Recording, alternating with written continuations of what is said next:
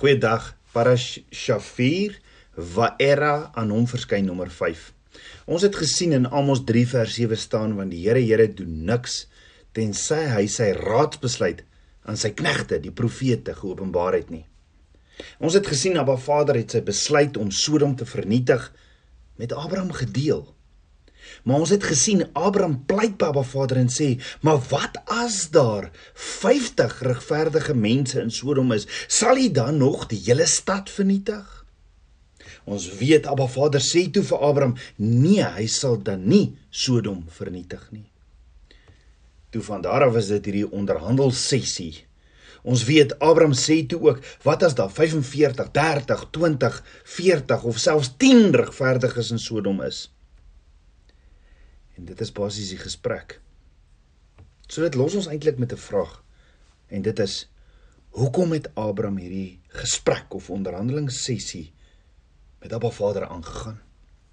Is dit omdat Abraham net wou weet of die regverdige mense gered sal word as die goddelose met die oordeel getref word of wou Abraham weet of almal gered kan word as gevolg van die regverdiges? Maar dink daaroor. Nie een van hierdie moontlikhede maak baie sin nie, is dit nie? Ek meen as Abba Vader sê hy vernietig Sodom, sou hy nie die regverdige mense in ag geneem het nie. Net so as Abraham vir die goddelose vra om gered te word ter wille van die regverdiges, waar's die geregtigheid daarin? Of dink daaroor, het regverdige mense spesiale voorregte waar agter bose mense kan skuil? Of hoekom is dit iets waaroor Abraham uitvra? Want jy sien die onderhandeling sessie tussen Abraham eindig ook dan sommer net ewe skielik.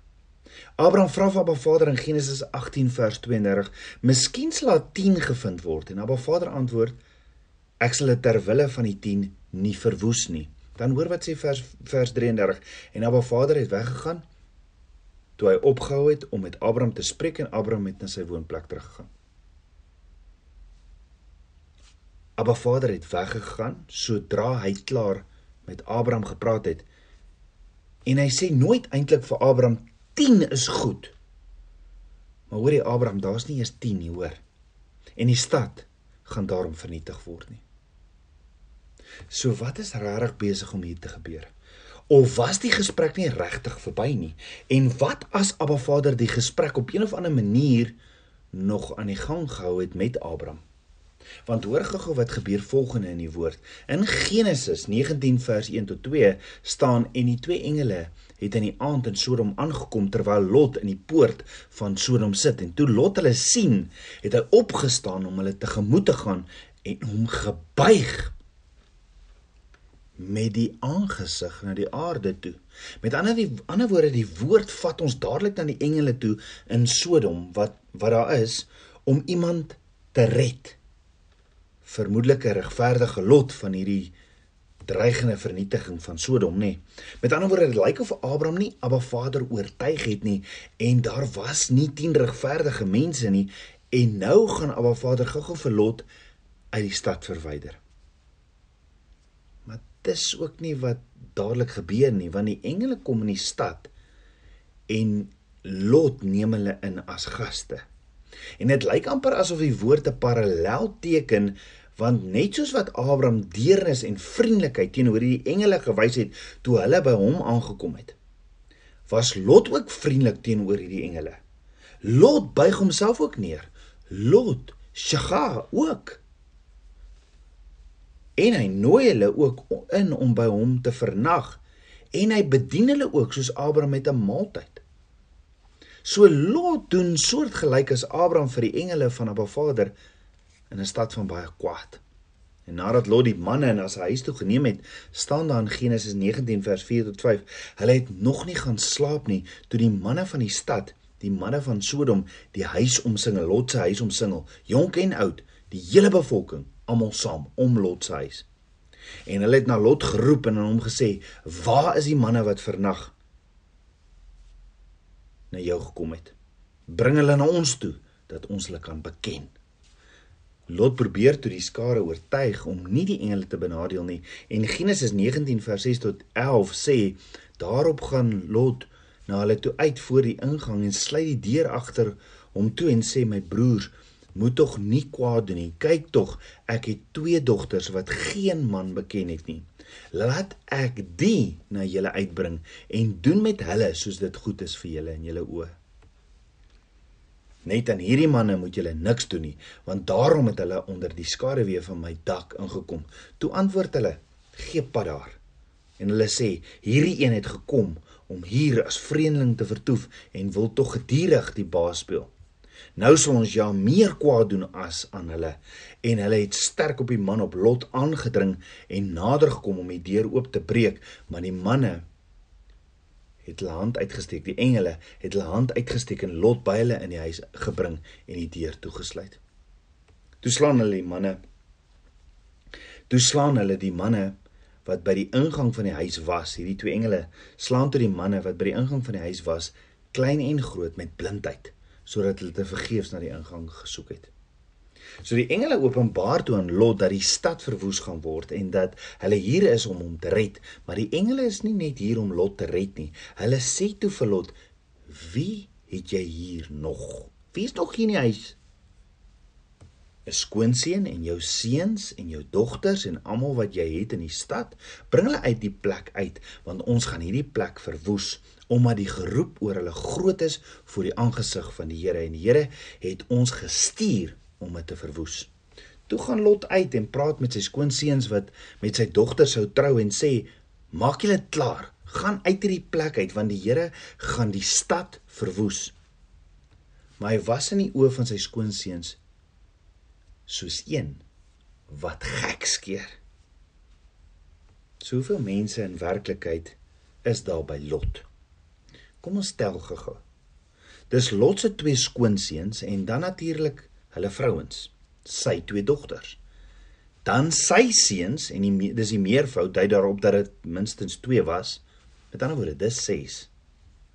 Maar vroeër wou Lot sy twee ongetroude dogters wat maagde was, gee in die plek van die twee engele vir die skare buite sy huis. Met ander woorde, Lot het eintlik 4 dogters, twee getroud, twee ongetroud. Dis in totaal van 8 mense. Saam met Lot en sy vrou is hulle 10 mense. So toe Abraham praat van die 10 regverdiges in die stad Sodom, het Abraham gepraat van Lot se familie, is dit nie? Abraham het by Abba Vader gepleit om die stad te spaar ter wille van Lot en sy familie. So is dit moontlik dat toe Abba Vader aan Abraham op die aantal regverdige mense gepraat het en hulle by regverdiges opgehou het, het Abba Vader die gesprek nie skielik beëindig nie. Abba Vader sê nie, jammer Abraham, hoorie ek weet jou lot hulle is 10 maar maar daar's nie eers 10 regverdig nie hoor. Nee is dit moontlik dat Abba Vader toe nog Lot en sy familie 'n kans gegee het? Met ander woorde kon Abraham en Lot Sodom moontlik van vernietiging verlos het? Ja maar hier is wat gebeur het die engele vertel vir Lot om sy familie bymekaar te kry en dit lyk asof Lot probeer het maar onsuksesvol was. Lot het gegaan om met sy skoonseuns te praat en hy het gesê staan op en verlaat hierdie plek want Abba Vader gaan hierdie stad vernietig, maar hy het nie sy waarskuwing ernstig opgeneem nie. Lot was vir hulle soos 'n gekskeder sê die woord. So die verhaal van Lot en Sodom leer vir ons iets. Want onthou, Yeshua sê die koms van die seun van die mens sal wees soos in die dae van Lot. So Lot het die geleentheid gehad om saam met sy familie en almal wat regverdig was gered te word en nie net hulle nie, 'n hele stad. Hy het probeer om vir sy skoonseuns te ooreed, maar kon nie sy skoonseuns, sy eie dogters en sy eie seuns, sy eie vrou beïnvloed nie. Hoekom nie? Was dit dalk omdat hy nie Abba Vader se woord geleef het vir almal om te sien nie? Ek meen selfs sy eie vrou kon nie die Shema leefstyl van haar vader aanvaar nie. Nou haar vader het aan Abraham gesê dat as daar 10 regverdige mense was, dat hy nie Sodom sou vernietig het nie. Ons het bereken Lot hulle was plus minus 10, maar hulle was duidelik nie 10 regverdige mense gewees nie. Anders sou Sodom nie vernietig geword het nie. Met ander woorde as Lot net sy eie gesin bymekaar kon kry om te vertrek om haar vader te Shema, Heer luister nou by, sou hulle miskien nie nodig gehad het om Sodom te verlaat het nie. So wat as Abraham eintlik vir haar vader gevra het: Vader, wat as daar 50, 45, 40, 30, 20 of selfs net 10 regverdige mense in die stad was? Dan kon hulle almal in Sodom gewen geword het vir Abba Vader se koninkryk. Met ander woorde, 10 regverdige mense in 'n stad kan herlewing in 'n stad bring, want onthou Abraham het gepraat oor regverdige mense wat die potensiaal gehad het om ander positief te beïnvloed en 10 kon 'n hele stad beïnvloed het. So waarom het Abba Vader vir Abraham hierby betrek? Was Abba Vader besig om die vader van die nasies iets te leer? Asook vandag vir my en jou in Suid-Afrika? Ek glo so want Abba Vader het vir Abraham gesê in Genesis 12 Deur jou Abraham sal al die mense van die wêreld geseën word. Abraham was bekend met die konsep om 'n gemeenskap positief te beïnvloed omdat hy Abba Vader se ambassadeur was. Maar Vader het ook vir Abba uh, Maar Vader het ook vir Abraham gesê in Genesis 12 vers 3 en in jou sal al die geslagte van die aarde geseën word. So hoe kon Abba Vader Sodom van Abraham weghou? Dis nie wat ons verbondsgod doen nie. Nee, Abba Vader se belofte aan Abraham was dat hy 'n groot en sterk volk sou word en deur Abraham sal al die nasies van die wêreld geseën word. Maar is dit moontlik dat Abba Vader vir Abraham en vir my en jou vandag ook kom leer van die verantwoordelikheid wat ons het om ons eie families, ons eie kinders eerste te bedien en te leer van Abba Vader en sy woord. Jy sien my en jou bediening begin in ons eie huise. Dis die rol van ons mans om die koning, priester en profeet van ons huis te wees.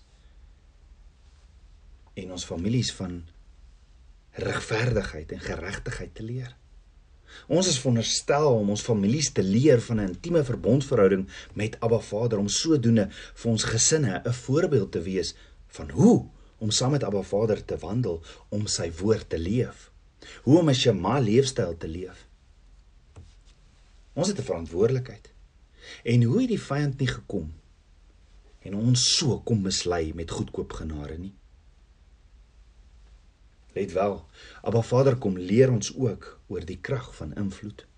Lot het probeer, maar met soveel kompromie in sy lewe het hy misluk om ander sy familie te beïnvloed. Ek meen hulle sien hom as 'n gekskeerder. Abraham het Abba Vader geshema en het nie geskroom as hy gesondig het te repent en te vra vir vergifnis nie. Selfs ander mense wat met Abraham te doen gekry het soos Abimelech in, in Genesis 21 het Abba Vader se teenwoordigheid in sy lewe gesien. En dan sê Genesis 15 vers 6: Abraham het in die Here geglo en hy het hom dit tot geregtigheid gereken. Die vraag is Tabernakels kind van Abba, hoe kyk jou familie? Hoe kyk jou vriende en kollegas na jou? Is jy 'n gekskeder of 'n ambassadeur van Abba Vader? Wat geen kompromie sluit met die dinge van die duisternis nie so om oor te ponder of om daaroor te bid. Wat as daar 10 regverdiges, 10 ambassadeurs in elke dorp of stad in Suid-Afrika kan opstaan vir Baba Vader se koninkryk? Dan kan ons mos 'n hele land Suid-Afrika beïnvloed vir Baba Vader se koninkryk.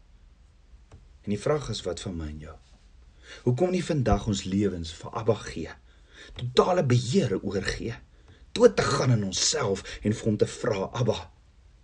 Ons wil u regverdiges wees, u ambassadeurs. Om vir Abba Vader nou te vra, Vader, ek wil u ambassadeur in hierdie stad waarin ek leef wees vir u koninkryk. Kom ons bid saam. Abba Vader, skieper van my hart, hier is ek. Hier is my hart. Vader, ek gee u myself. Ek wil doodgaan in hierdie eie ek en ek vra Vader, vergewe my en kom was my met die waterbad van u woord. Vader, ek wil nie langer kompromie sluit met die wêreld soos Lot se vrou nie. Ek wil u Shema, Heer, luister nou by. Vader, kom leer my u volle waarheid. Mag u oogskille van my oë afval. Hier is ek, Abba. Ek wil u ambassadeur wees. Meer en meer van u in my lewe. Ek bid dit alles in Yeshua Messie se naam, die seun van Jahweh. Shalom.